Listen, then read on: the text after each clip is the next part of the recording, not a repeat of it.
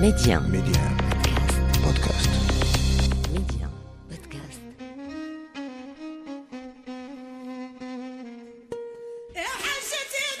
شيخة في ثقافتنا معيورة أقصد وصف سيء صفة قدحية توجه للنساء أساسا في حين أن مذكرها شيخ تطلق على السيد وكبير القبيلة اخترت أن أحكي قصص الشيخات لأنهن حرات قائدات وقويات. لنكسر التابو أروي قصص صانعات الفرح. شيخة وأفتخر.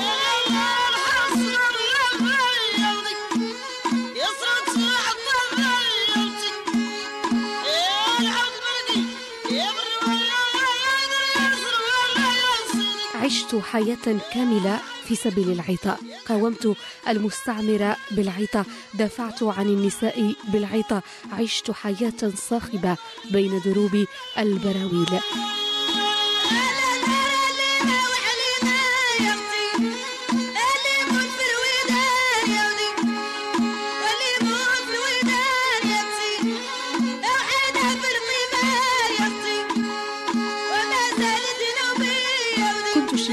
لجرح القرع والرفيق له في الفرجة. ننافس شيخات جيلنا على اعتلاء منصات الكبار.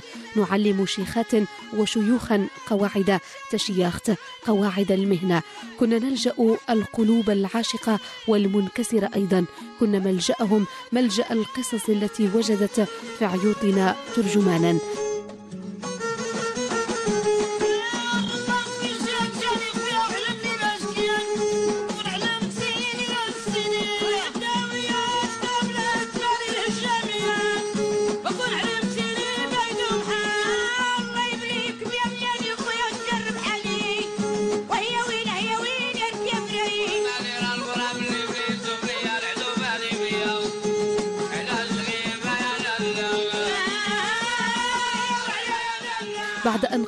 أشواطا في الأداء.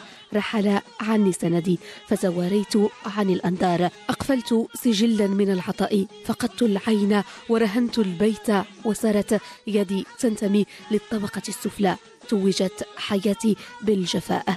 أنا الشيخة عايدة أو عيدة وسأحكي لكم في بودكاست شيخة فصولا من سيرتي.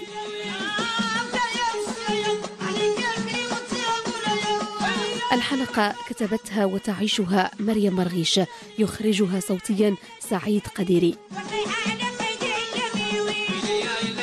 يتسلل بصيص نور لعين الواحدة. أما عين الثانية فتكابد عماها. لا أرى شيئا مما يدور حولي تقريبا. بالمقابل يتراءى أمامي أرشيف طويل عريض مما وثقته ذاكرتي الشابة.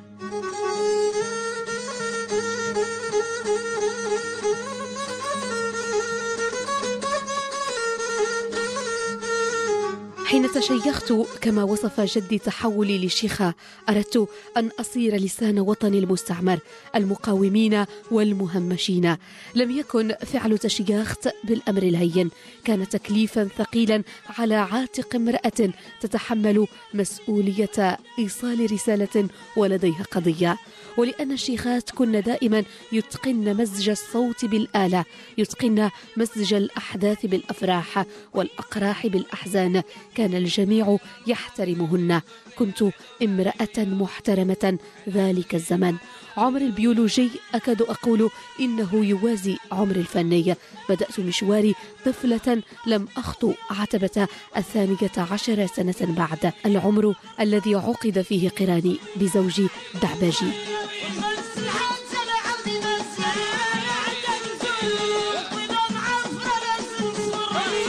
لم أكن أخطط للزواج لكن زيارة له قصد فيها أحد جيراننا غيرت كل خططي.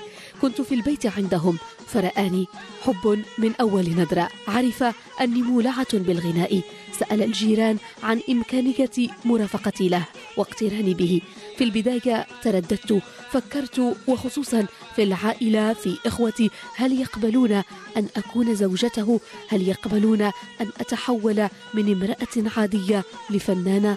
خفت أن يرفضوا طلبي لكن بعد طول إقناع رضخت لطلبه فوافقت ورافقته كان التاريخ حينها يقف عند العام ثلاثة وخمسين تسعمائة وألف.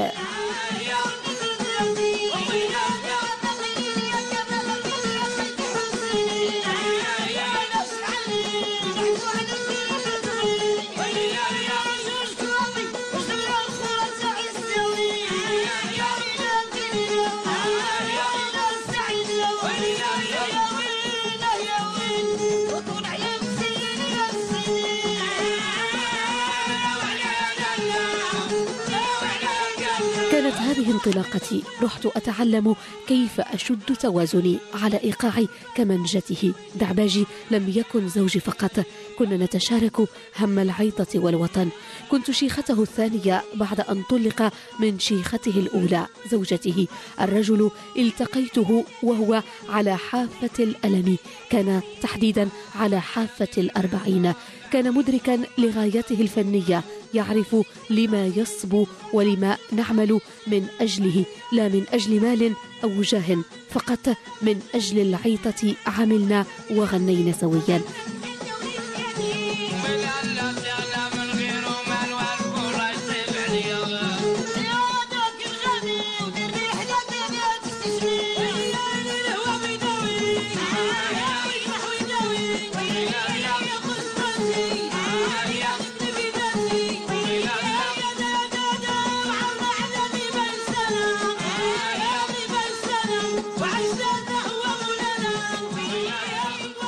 أداء تلو آخر. نما صرحنا الفني. كانت آذاني تلتقط كل الوصايا. تنزلها تجتهد في استثمارها لإتقان العيطة الحصبوية بالخصوص.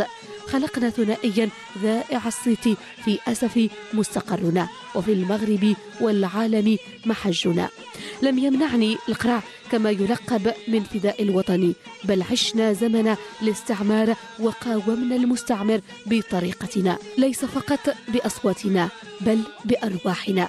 عرضنا نفسنا للخطر دون أن نبالي. أتذكر كيف كنت أخفي بين ثنايا حقيبتي أسلحة أكلف بنقلها للمقاومين. لم أتردد يوما في التضحية من أجل الوطن. الوطن والخيل والحرية حرية كل الناس بما فيهم. النساء كانت الرسالة محمولة بين ثنايا عيوطي وكانت القضية واضحة من نصوص العيوط التي كنت أؤديها.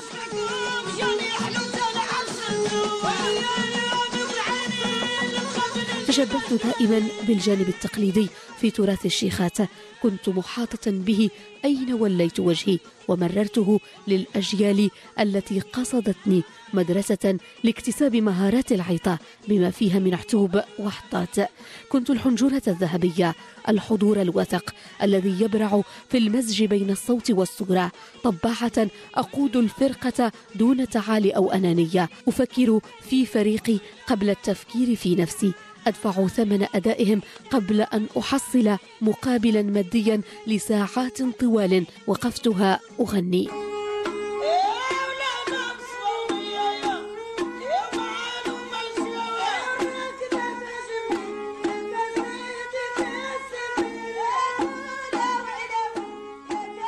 ولأن نهاياتي لا تأتي سعيدة دائما.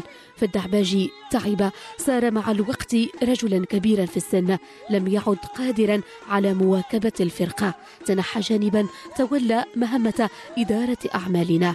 لم يكن الانعزال هينا على رجل عاش على إيقاع الآلة. من تعريجة للكمنجة كانت مسيرته كلها عزفا. إلى أن وجد نفسه رجلا عاجزا. تتخيلون معي هذا المشهد؟ كم مرة اختلست النظر وأنا فوق الخشبة. رميت العين وراء النظارة. رأيته في الكواليس جالسا منهارا. يذرف الدمع كطفل على ما أصابه من عجز. حزن إلى أن لقى حتفه عام سبعة وتسعين تسعمائة وألف.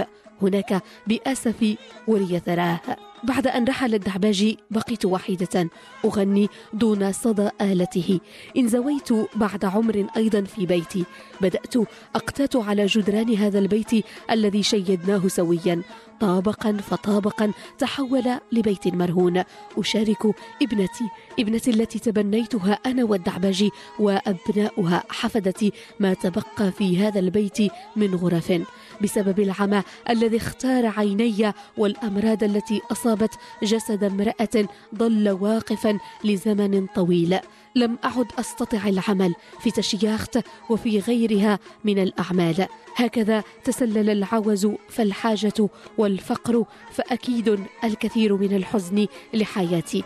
خرجت مرارا أطالب محبي عايدة أو عيدة بالالتفات لامرأة نفذت بطاريتها وهي تضيء تراثا شفويا تحمل سره. تكاد تكون آخر شيخة من شيخات الزمن الجميل.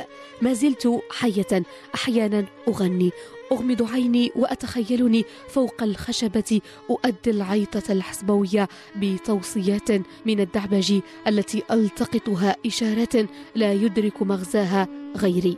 العيطة ليست غناء فقط إنها كانت دائما ديني الذي أؤمن به الذي أحرص على تطبيقه كما أحرص على أداء صلواتي كالمتعبد. أنا الآن لا أحيا إلا على الحنين لا أحيا إلا على النوستالجيا وعلى الزمن الجميل الذي كنت فيه.